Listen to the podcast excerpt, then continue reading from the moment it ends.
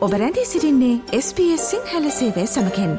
වැඩිතුර තොරතුර දැනැනීමට පිවිසන්න ps.com.ta/ Sinhala වෙපඩවයට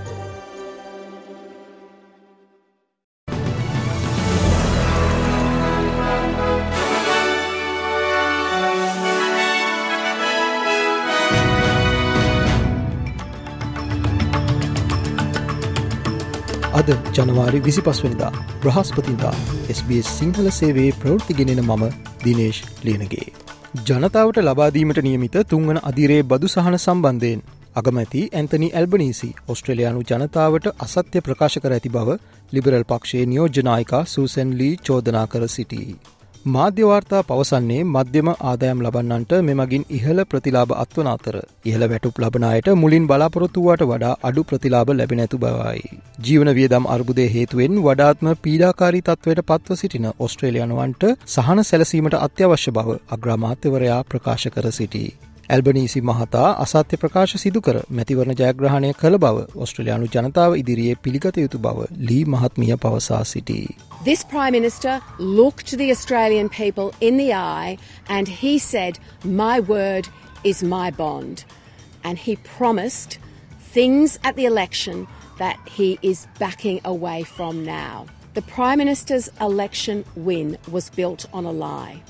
Labor won this election on a lie because today we hear for sure that the stage three tax cuts are no longer going ahead. සීග්‍රයෙන් බෝවන සරම්ප වෛරසය සඳහා අනතුරු ඇඟවීම් නිකුත් කර තිබේ. ආසාධිත සංචාරකයකු Sydney හිදී හඳුනා ගැනීමත් සමඟ මෙම නිවේදනය නිකුත් කර තිබේ. නිව් සෞත්වේල්ස් ප්‍රාන්ත සෞඛ්‍යංශ පවසා සිටින්නේ මෙම ආසාධිතයා සිඩ්නි අන්තර්ජාතික ගුවන් තොටපලට පැමිණැත්තේ ඉන්දියාවේ සිට බවයි. මේ සම්බන්ධයෙන් මහජනතාවට පවතින අනතුරුදායක තත්ත්වය පහව ගොස් ඇති නමුත්. උන්න නාසේන්දියර ගැලීම ඇස්කැක්කුම සහ කැස්සවැනි රෝග ලක්ෂණ ගැන විමසිල්ලෙන් සිටින ලෙස නිව් සෞත්වේල්ස් ප්‍රාන්ත සෞඛ්‍යංශ ජනතාවගෙන් ඉල්ලා සිටී. ඔස්ට්‍රලියාවේ ජනගහනය මිලියන විසිහත ඉක්මවායයි. සංක්‍රමණ සහ උපත් ප්‍රමාණය මරණ සංඛ්‍යාව සහ රටින් පිටව යන ජනතාවගේ ප්‍රමාණයට වඩා සීග්‍රෙන් ඉහළ ගොස් තිබේ. සංඛ්‍යාලේකන කාර්යංශ වාර්තා කරන පරිදි. සෑම තප්පර පණහකට වරක්ම එක් පුද්ගලයකු ඔස්ට්‍රලියාවේ ජනගහනයට එකතු වේ. පසුගිය වසරේ ඔස්ට්‍රලයානු ජනගහනය සියට දෙකයි දශම හතරකින් වර්ධනය වී ඇති අතර එම ප්‍රමාණය හයිලක්ෂ විසිහතරදස් එකසීයක් වේ. ඔස්ට්‍රලියන් of the ඉය සම්මාන උලේ අවසන් වටයට තේරුණු තරංකරුවන් කැන්බරා වෙත ළඟවී තිබේ. මෙහි ජයග්‍රාහකයින් අද දිනේ ප්‍රකාශයට පත්කිරීමට නියමිතයි.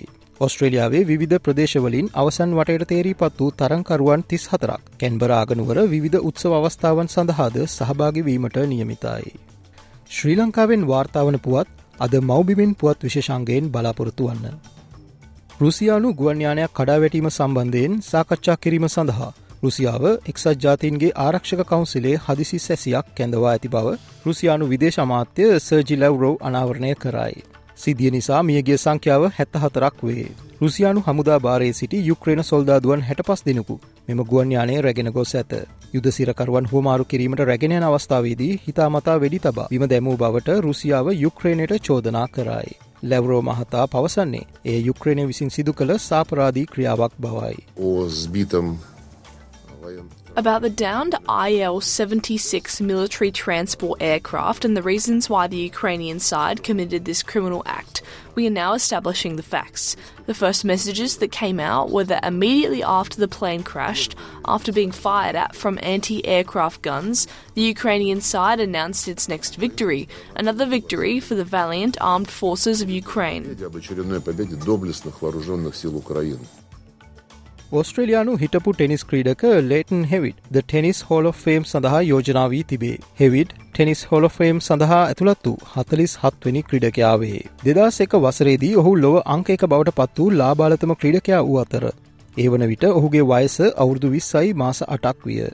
ඔහු පවසා සිටින්නේ මෙය ඔහුට ලැබුණු සුවිශේෂ වරප්‍රසාදයක් බවයි.